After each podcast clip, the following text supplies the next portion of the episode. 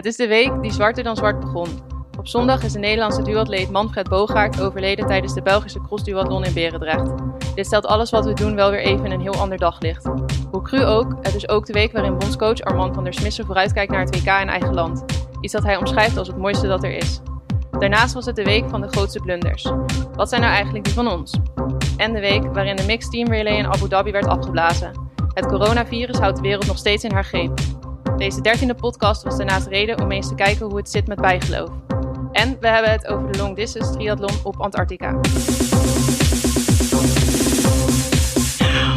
Ja, je zegt het uh, goed, Romy. Het is een, uh, een week die, uh, die zwarter dan zwart begon. Want wat een, wat een verschrikkelijk nieuws. Ik kreeg het. Nou ja, we nemen dit op maandag op en ik kreeg het dus vanochtend te horen via, via onze Belgische collega Hans, Hans Kleinput, de eigenaar van triathlon.be. En ja, hij vertelde mij dus inderdaad wat er was gebeurd in, in België, in Berendrecht.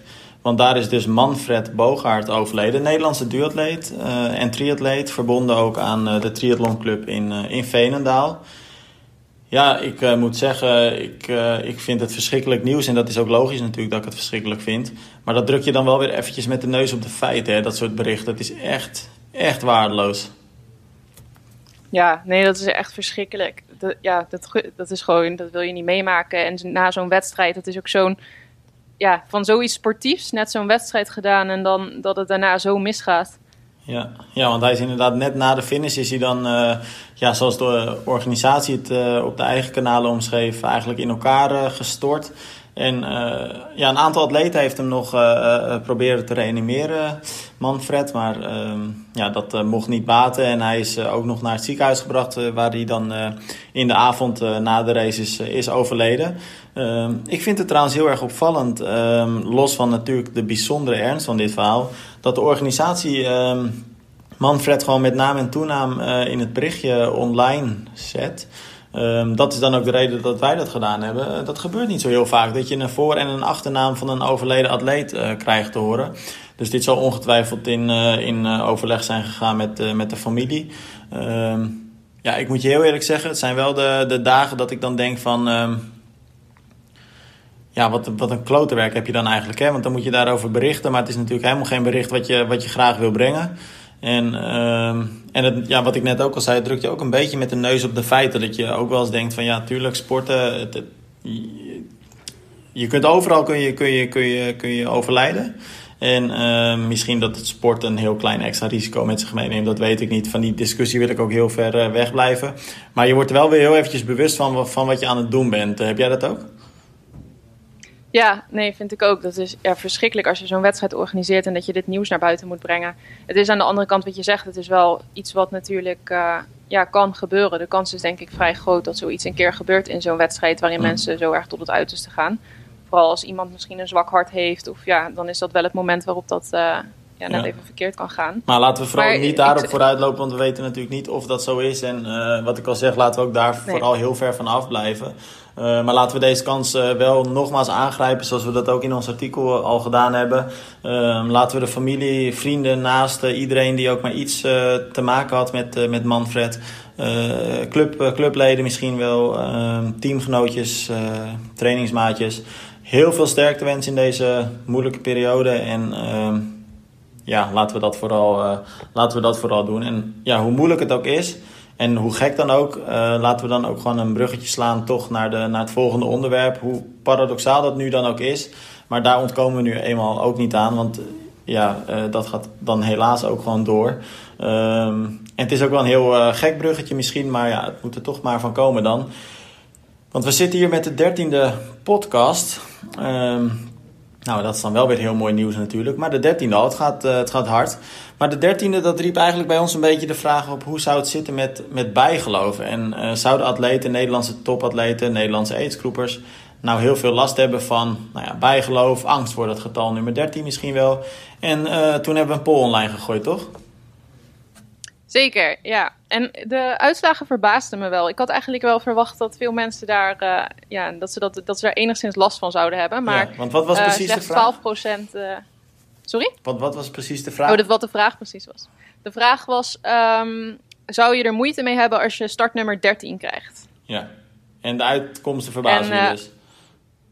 Ja, dus 12% zegt ehm, nee, daar heb ik helemaal. ehm, of ja, nee, 12% zegt dat ze daar inderdaad moeite mee zouden hebben. En 88% zegt daar helemaal geen moeite mee eh, te hebben. Nee, dat verbaast me ook Dus dat zijn een eigenlijk maar heel weinig mensen die dat vervelend zouden vinden. Mhm. Zou jij dat eh, vervelend vinden? Eh, nee, ik heb met het getal 13 heb ik eigenlijk niet echt een probleem. Wat dat, nee, ik heb wel rare dingetjes hoor, maar met Ja. 13 heb ik dan weer geen moeite. Ik wel En hoor. jij? Nou, ik moet je heel eerlijk zeggen, het startnummer 13, dat zou me niet zo heel veel uitmaken. Maar ja, dit gaat heel gek klinken misschien, maar ik zet bijvoorbeeld nooit de televisie op eh, geluidsniveau nummer 13. Dat doe ik gewoon niet. En dan zet ik hem of op 12 of op 14, ook al is het dan net te hard of net te zacht. Ehm, en ik heb ook wel eh, enige vorm van bijgeloof. Maar nee, start nummer 13, dan zou ik, eh, ik zou denk ik ook eh, die vraag met, eh, met nee eh, beantwoord hebben. Maar er kwamen ook wel een paar bijzondere Maar loop je dan ook nooit op. 13 km per uur? Dat je altijd 12 km per uur moet lopen of 14 km per uur? Nee, met snelheid heb ik dat niet, maar ik heb dus wel, ja, het is echt heel gek. Ik loop bijvoorbeeld nooit zijn. 13 kilometer. Dus ik, als ik dan een rondje heb gelopen en ik, ik- hij staat bijvoorbeeld op 13,3, dan loop ik even door tot hij op 14 staat. En als ik nou bijvoorbeeld Ja. bij eh, 12,9 ben en ehm, ik moet nog 400 meter tot huis, dan stop ik. Ik ga hem niet op 13 stopzetten. Dat is toch zonde, want ik denk dat het je heel goed zou doen om nou juist 13 kilometer te lopen. Misschien gaat het daarom altijd mis bij me. ja, ik denk het wel. Hey, maar, en, maar je hebt dus inderdaad die vraag ja-nee hebben we dan gesteld. Maar je hebt ook gevraagd Mhm. van ga er eens wat dieper op in. Hè? En er kwamen wel een aantal grappige reacties ook op binnen, geloof ik. Ja, dus eigenlijk was dan de vraag daarna of iemand überhaupt wel eens eh, last heeft van bijgeloof als het aankomt op eh, triathlon of sporten. En eh, nou, toen reageerde iemand die zei: eh, Ja, ik moet eerst altijd 3,8 kilometer zwemmen, 180 fietsen voordat ik aan de marathon begin. dus dat vond ik wel leuk. Ja, en, En eh, ja, verder mensen die bepaalde liedjes luisteren voor een wedstrijd. Iemand die reageerde: Ik moet altijd het nummer 3, 6 of 8 in mijn startnummer. ja. Nou ja, dan denk ik dat dat, dan heb je wel een grote kans dat je, dat je geluk hebt, meestal, denk ik. Ja. En eh, iemand zei eerst altijd linker sok aantrekken. Of iemand die zegt 38 keer eh, schoenen strikken. Maar met dat nummer dan, dan vraag ik me wel af. Want tuurlijk, de kans is nog groter dat je geen 3, 6 of 8 in je nummer hebt. Dan vraag ik me wel af, wat doet diegene dan als die, eh, als die dat nummer er niet in heeft? Dat lijkt me dan best lastig. ja, dat weet ik ook niet. Dan wordt het denk ik een hele slechte wedstrijd Ja. of zo, ja. Nou ja, apart. En ja, sokken, dat herken ik dan ook nog. Wat ik bijvoorbeeld ook wel heel vaak doe, is ehm, ik trek eigenlijk altijd eerst mijn linker hardloopschoen aan voordat ik mijn rechter aan doe. Een soort van automatisme. Ik zou niet gek worden als het niet lukt, maar ik, ik doe dat toch. Ehm, ja, wat, wat zijn de, gek- de gekke dingen die jij doet? Want je zegt net, ik heb ook wel een paar gekke dingen. Ja, ik, ik doe dus niet echt een triathlon, dus ik heb, met dat soort dingen heb ik dat niet. Maar ehm, ik, heb, ik heb er even over nagedacht of ik deze überhaupt wilde gaan vertellen... voordat mensen denken dat ik hartstikke gek ben. Maar ja, jij doet het ook, dus dan ga ik ook mee. Ja. Ehm, ik, de- ik heb vroeger altijd, ik doe het nu niet echt meer, maar ehm, moest ik het knopje van het licht, als ik thuis wegging of als ik de lamp uitdeed, moest ik een paar keer aan uitdoen. Oh ja, ik, nee, nou, ik, Raar, ik hè? moet zeggen, dan ben je inderdaad wel een beetje gek. eh. ja, maar dat besef kwam op een gegeven moment ook. Dus toen dacht ik, ik moet hier toch mee ophouden, want dit wordt wel een beetje raar. Maar had je dan ook van die dingen dat je bijvoorbeeld eerst vijf keer de trap op en af moest lopen voor je weg mocht gaan? Of had je dat soort dingen niet? Nee, Oh ja. nee, had ik dat maar, dan zou ik lekker afgetraind zijn. Hé, maar jij zegt, jij, jij zegt net, ik doe, ik doe natuurlijk niet aan triathlon. Maar dat is niet helemaal waar, toch? Want ik bedoel, je hebt de, ja, oké, je doet dan niet zeg maar zwemmen, fietsen, lopen. Maar je bent wel veel aan het sporten. Je zit wel, wel eens op de racefiets. Je ligt wel eens in het zwembad. Mhm. Maar je bent vooral lekker aan het lopen de laatste tijd. eh. Ja, nou ja, het stelt nog niet veel voor hoor, maar eh, ik, ben er, ik ben het wel een beetje aan het oppakken. ja. Ja. Nou ja, je doet ik wel heb om het de wel eens dag. vaker geprobeerd, maar ja, om de dag probeer Ja, ik nu. nou, en dan eh, de ene dag vind ik het leuk, de andere dag niet echt. Ik vond het vanochtend vond ik het bijvoorbeeld niet zo leuk. Ging het zwaar? Ja, het was echt zwaar. Het was best wel warm. Nou ja, op zich valt het voor hier ook nog wel mee. Het was 30 graden, maar Zo. ja, ik vind dat ik heb daar echt eh, moeite mee wel. En eh, ja, ik ging er niet helemaal lekker op. Nou ja. ja, grappig, want Arjan die zit nu, eh, daarom is hij nu ook niet in de podcast aanwezig. Die zit nu op, eh op Lanzarote, Club Santa. En die, nou, die- dat zei hij natuurlijk vorige week ook al in de, in de podcast. Echt een mooi weersporter noemde, die, noemde hij zichzelf. En ik zie inderdaad op zijn Strava, eh, hij, hij is deze week al meer aan het trainen dan dat hij het hele jaar eh, hier in Nederland heeft gedaan. Dus die houdt er wel van, eh, dat zonnetje. Ja, maar die is gewoon echt op trainingstage daar. Nee, hij is lekker met het gezin, met zijn vrouw en, of zijn vriendin en, en zijn kinderen is die, is die weg. Dus hij zit volgens mij ook wel lekker te relaxen. Maar hij is ook iedere dag lekker aan het sporten. Ik zag een paar hardlooprondjes voorbij komen. Hij heeft gesquashed. Hij, gisteren ging hij geloof ik in de gym een, een circuitje doen. Dus Ja, best, best goed bezig zijn we allemaal hier op de redactie. Ja, gaat goed. hey, maar ehm, het volgende onderwerp, daar kijk ik eigenlijk nog het meeste naar uit in deze podcast. Want dat gaat over grote blunders.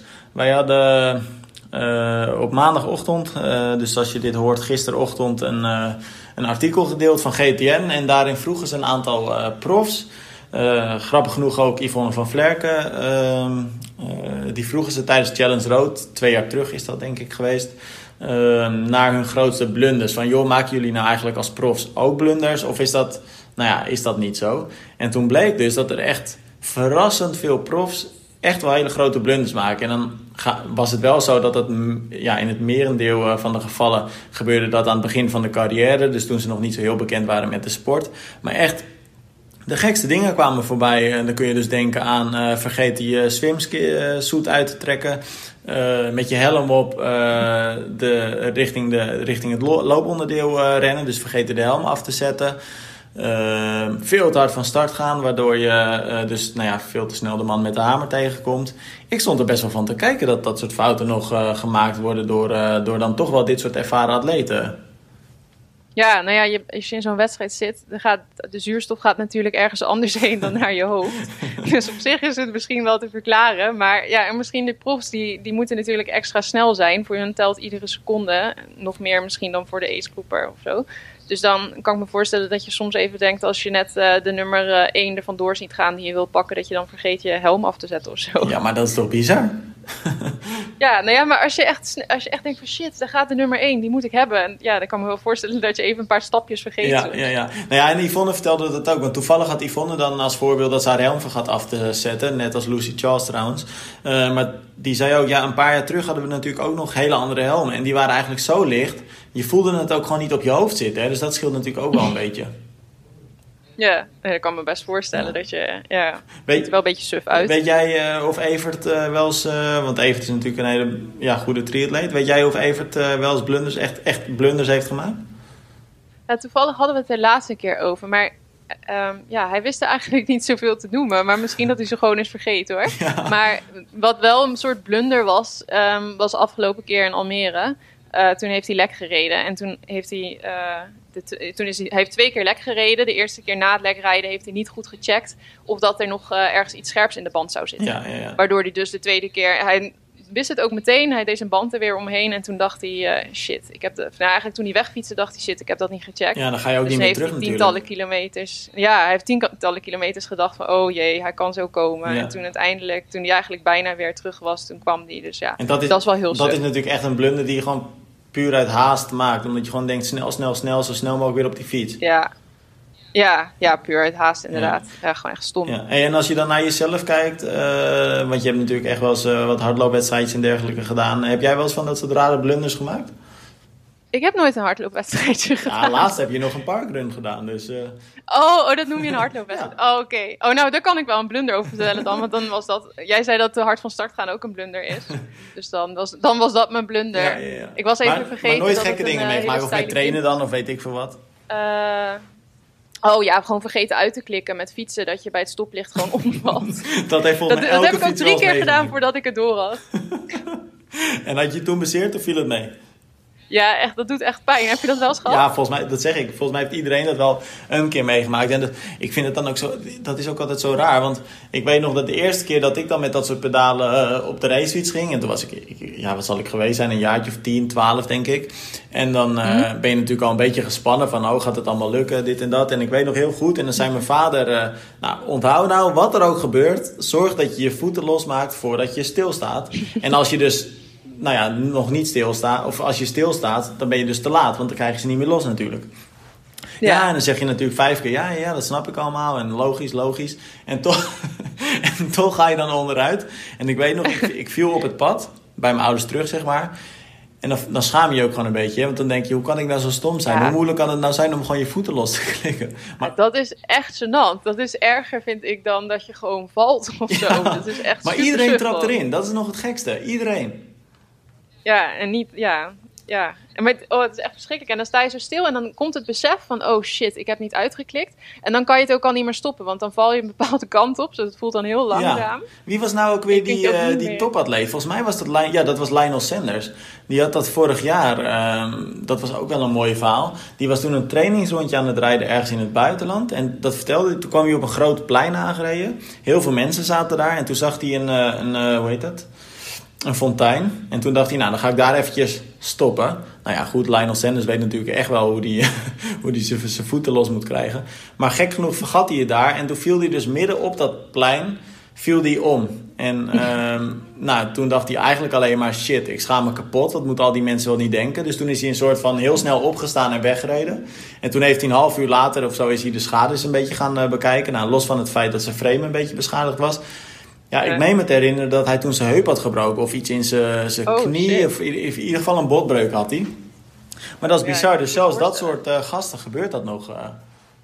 Maar die reactie is ook zo typisch, hè? Als zoiets dan gebeurt, dat je dan uh, dat je je zo geneert dat je dan eerst zorgt dat je weg bent. Ja. En dat je dan een half uur later pas de pijn voelt. Dat je denkt, oh shit, ik lig helemaal open. Ja, dat is heel, heel apart. Ja, blunders, ze worden vol, het is van alle tijden. En ik denk dat dat ook altijd wel, wel gemaakt wordt. Ik kan me, als ik dan naar mezelf kijk ik heb uh, vorig jaar, ik, ik, ja, ik heb heel veel echt blunders, kan ik me niet herinneren. Wat ik wel, dat was wel echt een grote blunder. Dat was afgelopen jaar tijdens het eh, WK Multisports in Pontevedra.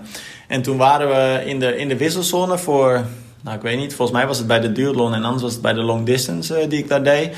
En toen had ik mijn fiets neergezet. Nou, dan neem je natuurlijk een beetje de wisselzone in je op. En van, hè, dan weet ik waar mijn fiets staat. En toen kwam ik aangerend. Ja, het was na de duathlon dus. En toen had ik die 10 kilometer gelopen, kwam ik aangerend. En toen dacht ik, verrek. Ik ben nu heel ergens anders de wisselzone inkomen lopen dan waar ik dacht dat ik erin zou komen. En ik kon mijn fiets niet vinden.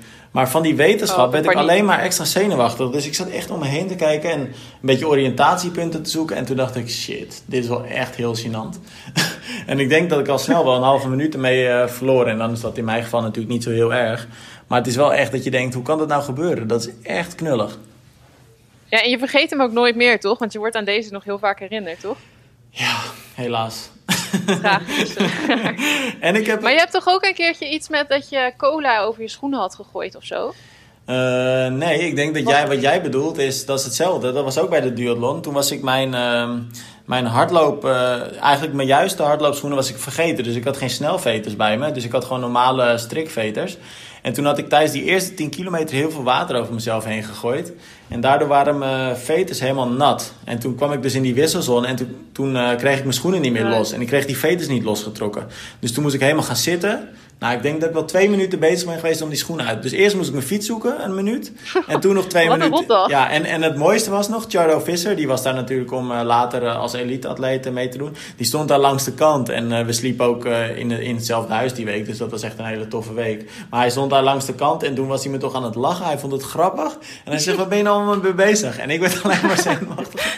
Dus, ja, ja, dat zijn allemaal mooie, mooie Maar dan kom je er toch ook niet meer in als je dat eenmaal zo, als je dat twee keer in een wedstrijd hebt. Ja, ik, er echt geen zin ik kon er nog wel om lachen en ik dacht, ja, weet je, wat maakt het ook uit voor mij? En uh, ik dacht, ik ga gewoon hard fietsen en ik zie het wel. En het was wel echt een, het was echt een heel leuk, uh, leuk toernooi daar. Dus ik, ik heb wel echt ja, hele goede herinneringen aan die, aan die wedstrijd. En echt uh, ja, heel tof. Maar dat was, uh, was wel knullig. maar wat ik... ik bedacht me trouwens nog een blunder van mezelf ook. Want ik heb natuurlijk wel als, uh, van, vanaf de zijlijn heb ik ook blunders. Dus ik heb een keertje voor, voor ons, voor Triathlon, een interview gedaan. Met Thomas Kremers. Ja. En uh, die heb ik twee keer gedaan. Misschien zelfs wel drie keer. Ik weet het niet meer. Hij had gewonnen. En uh, dat moest steeds opnieuw, omdat het filmpje stopte. dat... En super suf. Ja, jij weet er alles van, want ik ben sowieso een drama met alles, met mijn telefoon. En er is altijd wat bij mij. Ja. Maar dat gebeurt ook gewoon. Soms ben je ook een beetje afhankelijk van de techniek en dan werkt het net niet even mee. Ja, en zeker bij ons. jij bent ook al niet zo'n held met techniek. Ja, want ik had, het, ik had het twee weken geleden precies wat jij ook had. Toen was ik Matthias uh, van Athlete Sportuals aan het interviewen en toen viel de telefoon ook uit. Maar nou je daarover begint, um, het grappigste interview wat ik van jou nog wel gezien heb, is denk ik die met, uh, en dan mag je zelf vertellen wat er precies gebeurde, is die met uh, Dirk Wijnalda. Dirk Wijnalda inderdaad, ja. Ja, dat was dus ook weer zoiets. Toen ik net begon bij triathlon, toen, ja, ja, toen, iedere wedstrijd was er eigenlijk iets wat er misging. Er was altijd wat. Ik weet niet meer, ik weet niet eens meer wat er allemaal was, maar iedere keer was er technisch gezien iets wat niet goed ging. En toen uh, dacht ik dat ik het op een gegeven moment allemaal onder controle had, dat ik de juiste microfoon had, et cetera. Ja, en toen zat je dat ook echt een week lang een beetje op te scheppen, van nou, nu gaat het allemaal goed worden. Ja, dacht, ja, kijk maar, nu komt het. Nou, en toen kwam het dus helemaal niet, want ik ging Dirk Wijnalda interviewen, die, interview, die had NK Masters gewonnen was Ja, in Zeewolde was dat geloof ik. Ja, nou en wat er toen dan weer gebeurde, toen klonk, hij als een, uh, ja, een beetje, hoe noem je dat, als een eekhoorn. Ja, een beetje, ja, een beetje de Alles hamster van de hamsterweek, uh, denk ik. het is echt een super grappig filmpje eigenlijk geworden, maar je kon er echt niks van ja, maken. Ja, even voor de duidelijkheid, want, voor, want het is misschien lastig inschatten wat er dan precies gebeurde. Want uh, ja, Dirk praatte natuurlijk gewoon heel normaal zoals hij dat altijd doet. Alleen het klonk heel raar, want het filmpje dat speelde een soort van heel versneld af. Hè? Dat was het gewoon.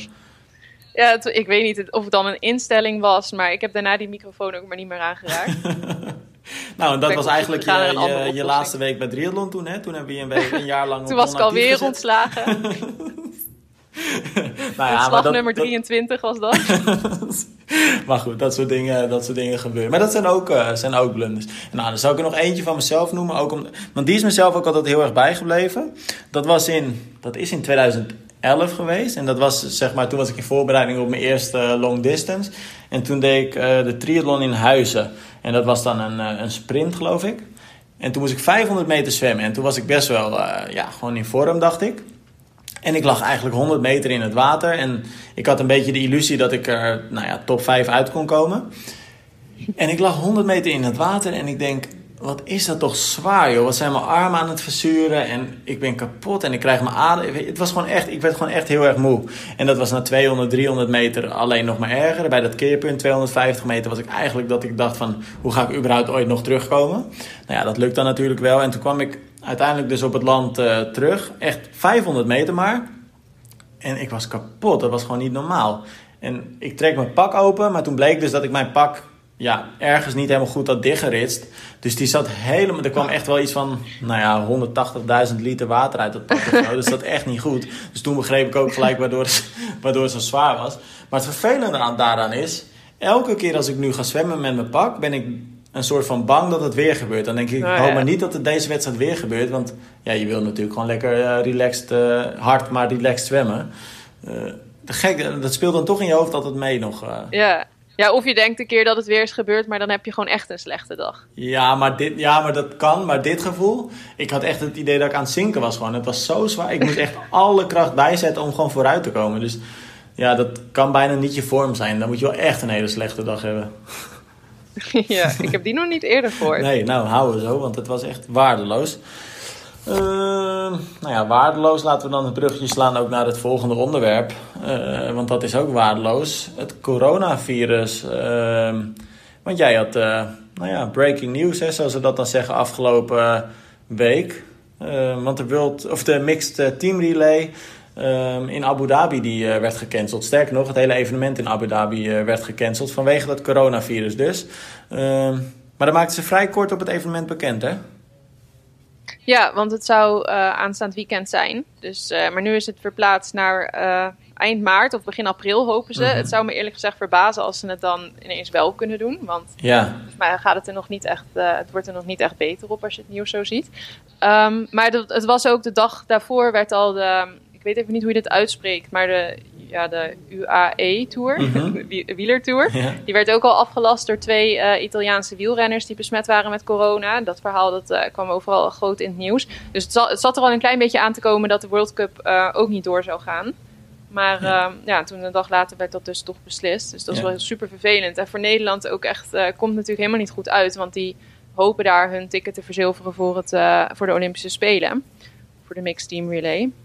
Hoe ja. dat nu zal zijn, hoe dat gaat, ja, ik ben benieuwd. Aan de andere kant zou je het ook om kunnen draaien. Misschien is het op zich nog niet zo heel ongunstig voor Nederland. Want Nederland zit nu natuurlijk nog niet in het meest ideale vaarwater, heb ik het idee. Mm -hmm. Marco van der Stel die uh, gaf aan op socials uh, uh, helemaal fit te zijn. Maar die had drie weken geleden nog wel hier en daar wat lichte blessures. Dus ja, dan is het altijd de vraag: ben je op je allerbest? Nou, dan heb je natuurlijk de situatie van uh, Rachel Klamer. Um, wiens moeder gewoon heel ernstig uh, ziek is en die daardoor het sporten even op een iets lager pitje zet. Um, dus ja, in hoeverre is het dan heel ongunstig? Misschien is het ook wel, nou ja, speelt het Nederland toch een beetje in de kaart. Uh, dat zou ook nog kunnen, hè? Ja, nou als het helemaal niet doorgaat, als er helemaal geen evenement komt, dan um, ja, kan dat inderdaad wel gunstig zijn. Nee, maar ook het uitstel, denk ik. Want, want als je, stel je gaat ervan uit dat het evenement dus wel over een maand is.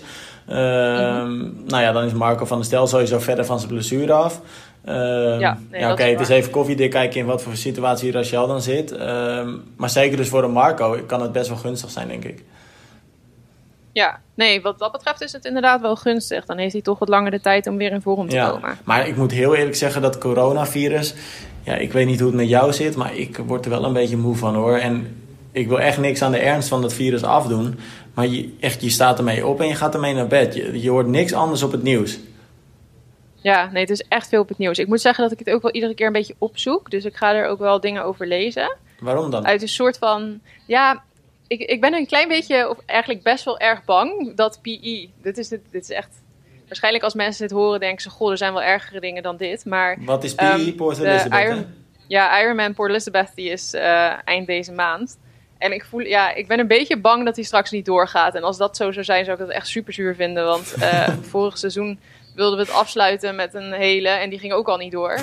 Maar goed, ja, er zijn ergere dingen, ik weet het, ik, weet het. Ik wou net zeggen, je hebt het zeg maar over een virus waar dan mensen overlijden en jij maakt je dan zorgen over... Ja, maar is dat dan dus zo? Nee, Want dan zeggen dus heel veel mensen van, goh, het is gewoon eigenlijk een virus. Ja. Net zoals dat, het is gewoon een ja, wel heel besmettelijk. Ja, ja, dus ik weet het niet. Ik weet niet hoe het precies. Ja, ik vind het lastig er iets over te zeggen, maar ik vind het wel heftig hoe alles de hele tijd wordt afgelast. Nou ja, dat is het een beetje. En als ik dan ook kijk naar organisaties, en wij spreken vanuit Riethlon natuurlijk ook wel met organisaties, uh, vrij regelmatig. En als je dan toch hoort hoeveel maatregelen er nu al getroffen worden, hoeveel er over gesproken wordt. Um, het begint echt dus wel het dagelijks leven van heel veel mensen te beïnvloeden, ook al hebben ze nog niet mhm. direct met dat virus te maken. En ik hoop maar vooral dat het niet al te veel paniekvoetbal is. En ja, wat ik net al zei, ik wil echt niks afdoen aan uh, die sterfgevallen, wat natuurlijk verschrikkelijk is. Maar in hoeverre we nou allemaal dit soort maatregelen moeten treffen, ik vind het wel een hele lastig hoor. Ja, ik vraag me gewoon zo erg af um, of het ook werkt. Want mensen blijven toch wel reizen, want dat, dat kunnen ze niet echt stoppen. Um, ja, bedrijven zullen altijd nog wel een beetje mensen blijven sturen naar het buitenland. Ik geloof dat ze dat wel iets minder doen. Maar en mensen gaan gewoon op vakanties, die hebben ze geboekt. Die gaan ze ook niet aflas of, uh, afzeggen. Dus ja, in hoeverre heeft het zin om al dit soort evenementen dan af te blazen? Want als het virus zich nu toch al over de hele wereld begint te verspreiden. Ja. En ik las een heel artikel uh, laatst in de Volkskrant, was dat geloof ik, of het Parool. Um, over een wetenschapper die vertelde van ja, het is best wel. Uh, het wordt allemaal heel erg groot gemaakt. Uh, maar uiteindelijk zal zo'n 80% van de wereldbevolking dit virus krijgen. Maar niet naar de mhm. huisarts gaan en er dus eigenlijk helemaal niks van merken. Ja, weet je, dan denk ik ook. Ja. Laat het dan maar gewoon gebeuren en dan zien we het wel, toch? Ja, nee, dat heb ik ook gehoord. Ja. ja maar ook als het in, in Nederland, weet je wel, daar, daar kan er nog wel iets worden gedaan. Maar als je hier in Zuid-Afrika kijkt, als het hierheen komt, dan gaan ze dat echt niet in toom kunnen houden. Nou ja, dat is een beetje het probleem. Er wonen hier allemaal mensen zo dicht op ja, elkaar. Ja, maar dat, dat is wel het probleem eigenlijk. Want dat gaat in Nederland nu ook nog niet lukken. Want er is dus nu nog geen, geen uh, middeltje tegen. Dat is het grootste probleem nu. Dat er nog geen... Uh, ik kom eventjes niet op dat woord. Uh, ja, er, er, is nog geen cure voor, snap je? Er is nog geen... ja, medicijn vaccin, voor... Ja, precies, een vaccin. Dat is er nog niet voor. En ja, dat, dat, volgens mij is dat nu de, de kern van de zaak. Maar ja, weet je. Eh, ik, ik... Ja, maar in Nederland zijn ze natuurlijk ook heel hard aan het proberen om te zorgen dat niet uh, iedereen elkaar aansteekt. Dus dat mensen uh, in quarantaine gaan en zo. Maar ja, een land als Nederland doet dat dus natuurlijk goed. Um, maar een land als Zuid-Afrika gaat dat echt niet goed doen. En zo zijn er wel meer landen waar dat echt niet uh, gaat werken. Dus dan gaan toch wel heel veel mensen, mensen ziek worden. En ja, nou ja, ik weet er ook verder helemaal niks vanaf. Ik ben geen arts. Is het in Zuid-Afrika ook wel volop in het nieuws of is dat ook minder?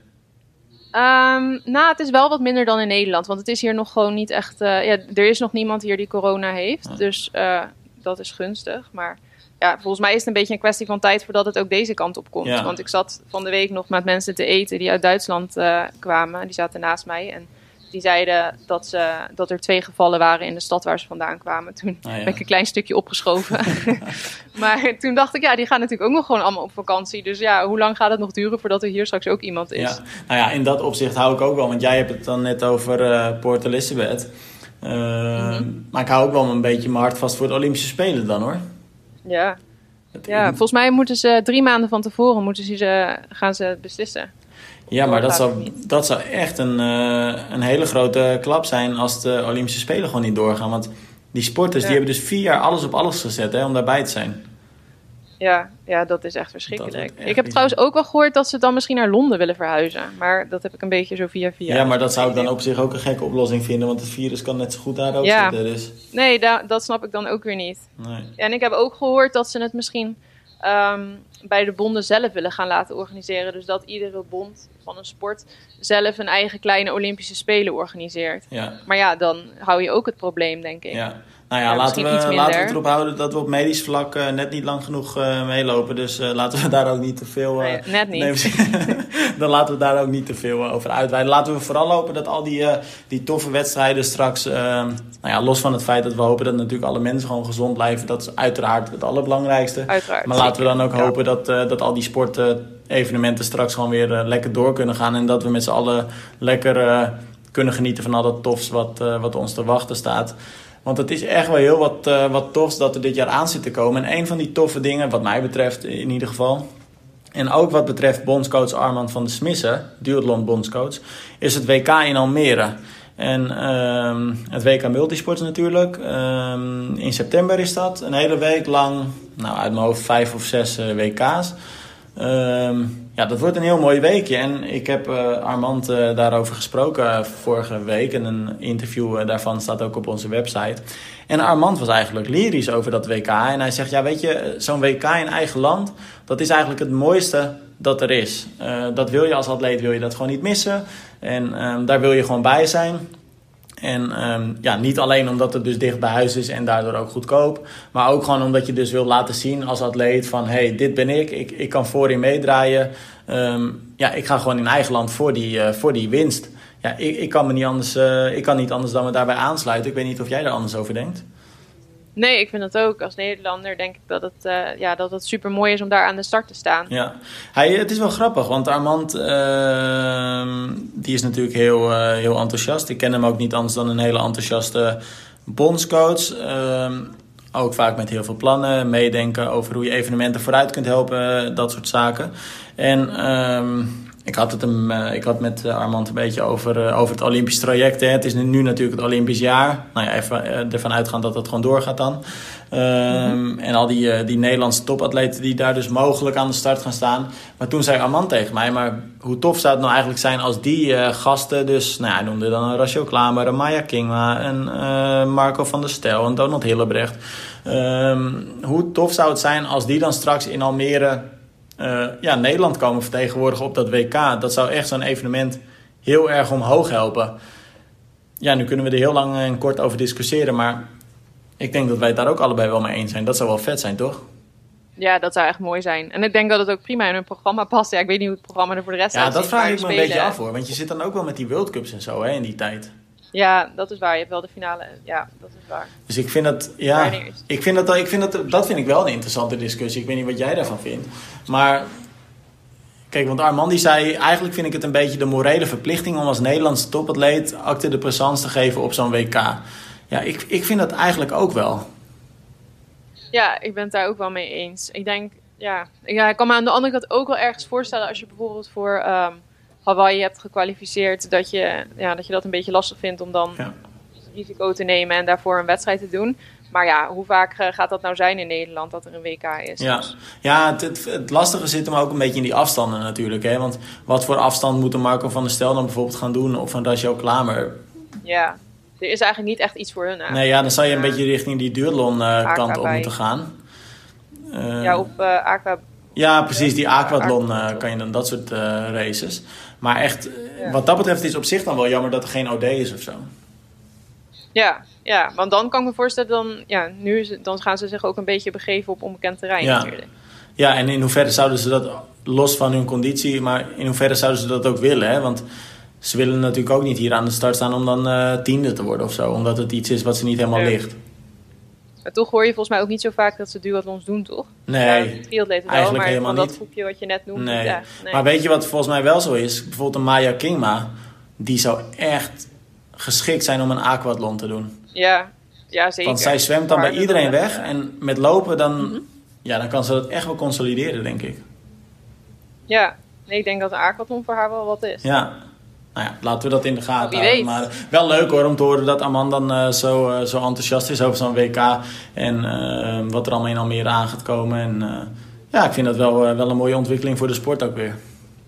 Ja, helemaal mee eens. Wordt Ja. een mooi seizoen. Ja, ja. 2020. Hey, wat over mooie ontwikkelingen van de sport gesproken. Ja, ik, eh, wij vonden het een mooie ontwikkeling. eh, wat ze bij de Super Heel League. mooi. Ja, wij vonden het heel mooi. De, de Super League eh, Triathlon die gaat een All-Star race doen. Hè? Ehm, Mhm. En wie waren het ook weer allemaal? P- Puk Mone. Eh, Ja, wat, ja, Puk Monen, Inge de Bruin, Rach, ja, eigenlijk wordt het Rachel Klamer, die doet dan mee, maar niet als All-Star natuurlijk, gewoon als, als proef. Ehm, en wat Nederlandse inbreng verder betreft, komt Puk Monen. ja. En dat was dan eind maart ergens of zo, hè? Ehm, ja, ja, ja, na de World Cup die dus afgelast Ja. is. Dus inderdaad eind maart. Maar- En eh, ja, en nog andere hele grote namen in de sport. Jens Voigt, Cadel, Cadel Evans. Ik weet niet of ik dit goed zeg, toewinnaar. Ja, Jens Voogd. ja. Voigt? ja, dus Jens Voogd en Voigt? Evans, ja. Oké, nou de tweede had ik wel. Nee, maar dat zijn, dat zijn op papier dus hele toffe namen. En die zouden het dan eigenlijk Mhm. opnemen tegen die gevestigde eh triatleten. En waaronder Ja. dus Rachel Klamer. Nou, wij dachten heel Mhm. erg vet. Het wordt allemaal georganiseerd in een of andere futuristische stad... die voor ongeveer 500 miljard euro eh, of dollar is, eh, is aangelegd in Saoedi-Arabië. Ja, bijzonder verhaal. Heel bijzonder Ja. verhaal inderdaad. Maar goed, het zal dus ongetwijfeld een hele mooie locatie eh, zijn. Mhm. Maar we hadden dat bericht eigenlijk online. En ik geloof niet dat heel veel mensen heel erg blij werden van vooral Pukmon, hè? Nee, veel mensen dachten er anders over dan wij. Wij dachten, oh, nou hartstikke leuk. Mooi meisje inderdaad. Maar eh Ja, maar toch niet alleen een mooi meisje. vrouwen een beetje... jale- Sorry? Maar toch niet alleen een mooi meisje. Ja, en hartstikke goede fietser natuurlijk, ja. Ik vind Maar goed, het is natuurlijk wel, je kunt wel discussiëren, ze, ze is geen eh, Marianne Vos of zo. Maar ik denk dat ze ook niet claimt dat ze dat is. Nee. Dat is gewoon, voor wie Puk Monen niet kennen, Puk Monen is dus eh, een heel knappe wielrenster. die eh, heel erg bekend is geworden door het feit dat ze gewoon hartstikke knap is. En op En Instagram omdat ze dat soms een fietsshirtje een klein beetje... Ja, ja, precies. Ze wist dat altijd wel goed eh, te marketen. Mhm. Ehm, nou ja, en ik denk dat dat haar goed recht is. Ik denk dat ze dat hartstikke goed heeft aangepakt. Maar sommige mensen die, vind, ja, die hebben een beetje moeite met haar. Dus er werd echt heel fel op haar gereageerd dat ze niet kan fietsen. En dat ze daar niks te zoeken heeft. En dat ze dan echt niet begrijpen waarom er zo'n Pukmona aan de start komt te staan. Waarom daar geld in wordt gestoken. Ja. Nou, ik begrijp echt niet ja, waar, de, waar het over gaat. Want ik bedoel, als ik ge- gevraagd word om ergens een wedstrijd te doen en ik krijg een paar duizend euro daarvoor, ja, dan kom ik ook. Moet ze nee zeggen dan? Nou ja, kijk, het punt... hartstikke ik- even voor duidelijkheid, ik ben het helemaal met jou eens hoor. En ik begrijp de kritiek ook nog steeds niet. Integendeel zelfs, ik vind het erg kortzichtig, als ik heel eerlijk ben. En dat heeft Ja, en mij- ik vind het ook heftig. Nou, het is inderdaad heel heftig. Want zij, zij, zij is gewoon een profsporter. En wat jij al zegt, nee, het is geen Marianne Vos. eh, het is eh, niet een van de allerbeste wielrenners van Nederland op dit moment. Er zijn er gewoon heel veel. Hè? Annemiek Vleuten, dat is het ook niet. Nou ja, ga maar door. Maar zij is gewoon inderdaad een, een, een hele eh, enthousiaste profatleet, profwielrenster. Ehm maar de discussie werd eigenlijk een beetje gevoerd van wat gaat zij nou toevoegen. En dit concept, wat ze nu dan bedenken, dat is alleen maar eh, gefocust op, op aandacht en eh, nou ja, social media. En dat gaat de sport helemaal niet verder helpen. Maar volgens mij is het, ver- versterkt het een juist het ander. Want als een Puk Monen dus dit gaat delen straks op socials, dan wordt het echt heel veel opgepakt. En sterker nog, je ziet nu al dat dat gebeurt. Ehm, alleen al de discussie die bij ons eh, nu gevoerd wordt, en dat is, wij zijn natuurlijk maar een hele kleine speel in het geheel, dan daarmee toon je al aan dat het concept daarmee dus geslaagd is en dat de sport veel meer aandacht geeft, toch? Mhm. Ja, de wedstrijd is nog niet geweest of het is al groot en nieuw Precies, daarom. En wat ik dan ook zo opvallend vind, want dan hebben ze het over Inge de Bruin. Ehm, Mhm. Olympisch winnares natuurlijk geweest. Ehm, bijzonder harde eh, hardzwemster is zij. Ehm, maar ik geloof dat zij al tegen de 50 loopt. Daar wordt dan helemaal niet moeilijk over gedaan. Terwijl Nou, daar de- waren ook wel wat reacties over. Ja, maar wel veel minder, toch, in verhouding?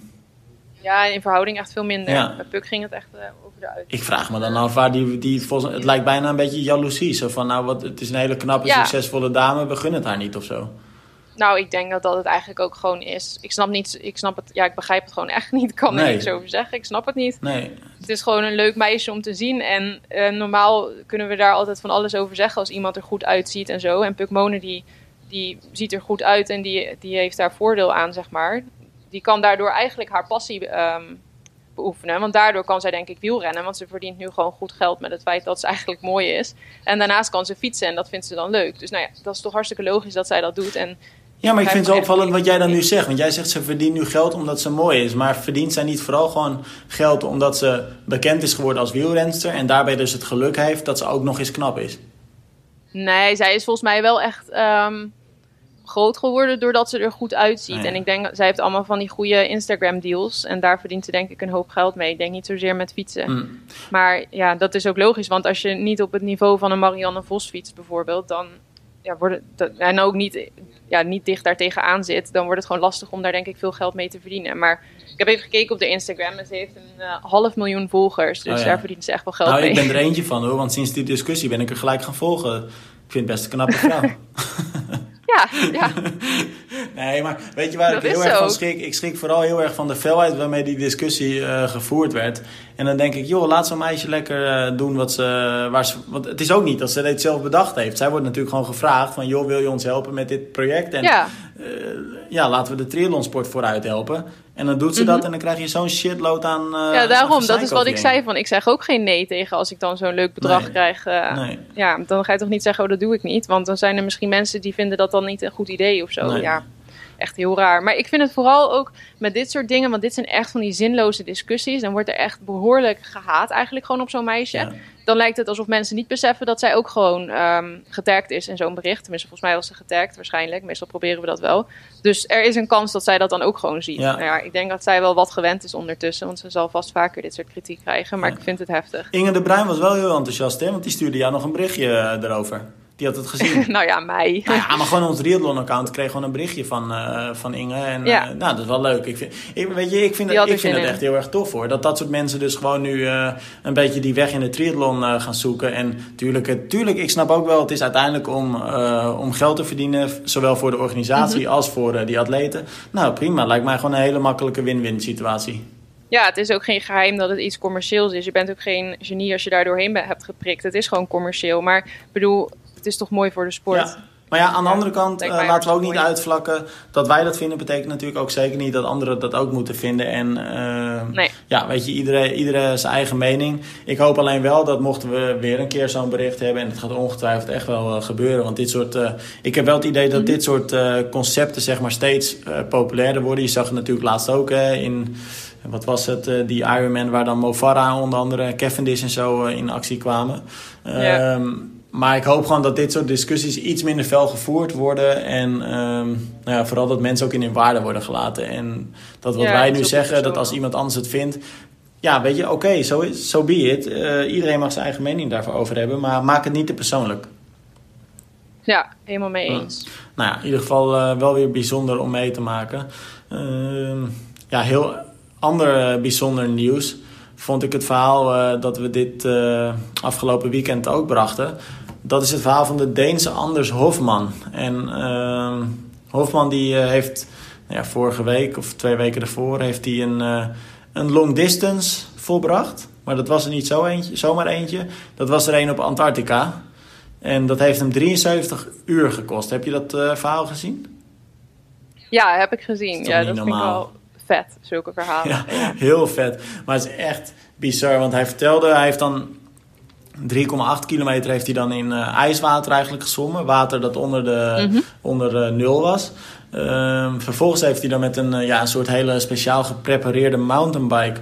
heeft hij ja, die 180 kilometer door de sneeuw over het ijs heen gefietst. Maar toen begon eigenlijk nog de grootste uitdaging. Want toen kwam er een enorme ja, windstorm, sneeuwstorm... Waarbij ze echt uh, iets van uh, eh, 70 uur geloof ik uh, hebben moeten schuilen. Of, of 30 uur. Ik weet niet, heel lang in ieder geval. En dan konden ze ook gewoon echt niks meer doen. En daarbij vreesden ze ook echt wel een beetje voor hun leven.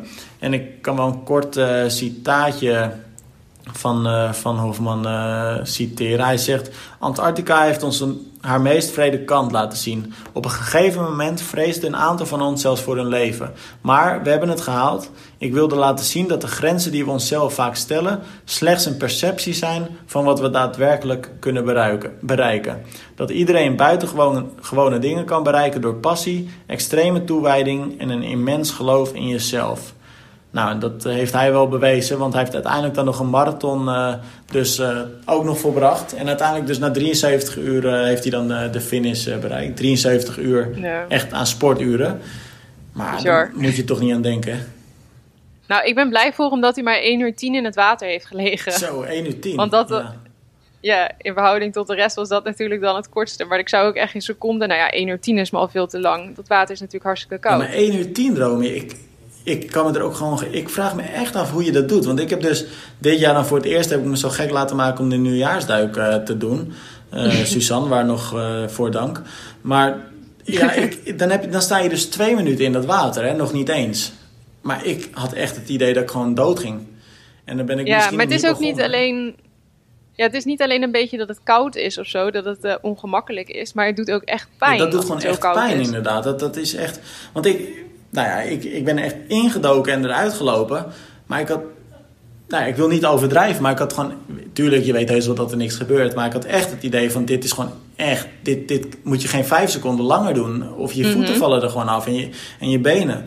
Maar dat, hoe kan je dan ooit zo lang in nog veel koude water ja, liggen? Hoe kan dat? Dit moet echt getraind zijn, denk ik. Ja. dat, ik, het lijkt me dat je daar echt lang voor traint om zo in dat hele koude water onder water te kunnen blijven. Want volgens mij, als je dit normaal gaat doen, ik denk 10 minuten, dat je dat al niet eens overleeft. Nee, nog niet eens. En dan scheelt het natuurlijk wel dat ze dan een heel eh, speciaal zwempak aan hebben. En ja, waarschijnlijk zullen ze hun gezicht en zo ook wel allemaal invetten en handschoenen. En, Maar het is natuurlijk wel krankjorm. En dat je dan ook nog uh, vervolgens 33 uur op de fiets zit door het sneeuw en ijs. Daar kun je toch ook mhm. geen voorstelling van maken? Nee, ik denk dat een uurtje wandelen daar al zwaar ja. is. Maar ik vind het wel vet hoor. Ik vind, ik vind het wel echt tof. We hebben het wel vaker over dit soort extreme dingen gehad. Maar ik vind dit wel, ik vind dit wel weer een dingetje waarvan ik zeg van... Ja, dit is wel heel gaaf. Ja, ik hou hier ook van. Ja, leuk. Het wordt, uh, nou ja, normaal zou ik zeggen, het wordt een uh, spannende week met uh, Abu Dhabi. Maar dat gaat nu dus niet door. Het wordt wat, ja, even kijken wat er allemaal op de staat. Ja, nou ja, saai in ieder geval nog niet echt een, een periode waar... Ja, zijn er wedstrijden? Ik moet je heel eerlijk zeggen dat ik nog niet zo heel goed gekeken heb. Wat ik wel weet is dat ik naar uh, Kika ga. Uh, vanwege Kika Extreme. Oh, maar wacht eens trouwens. Nieuw-Zeeland is natuurlijk. Is dat uh, deze week? Ja, toch? Ja, dat denk ik wel. Oké. Nou, dan gaan we dat volgen. Dus dan staat dat allemaal weer op, op triathlon.nl straks. En dan gaan wij volgende week gewoon weer een, een nieuwe podcast maken, toch? Leuk, zeker. En dan wordt het nummer 14. dus Arjan er niks... weer. Nee, ik, ja, ik hoop dat Arjan weer aanschuift. Maar ik vrees een beetje het ergste. Omdat hij natuurlijk uh, nog een weekje daar zit. En dan sluit hij die week uh, daarna aan. Dus uh, nou ja, vanuit hier Arjan, geniet van je vakantie. En Romy, dan spreek ik jou volgende week. Yes.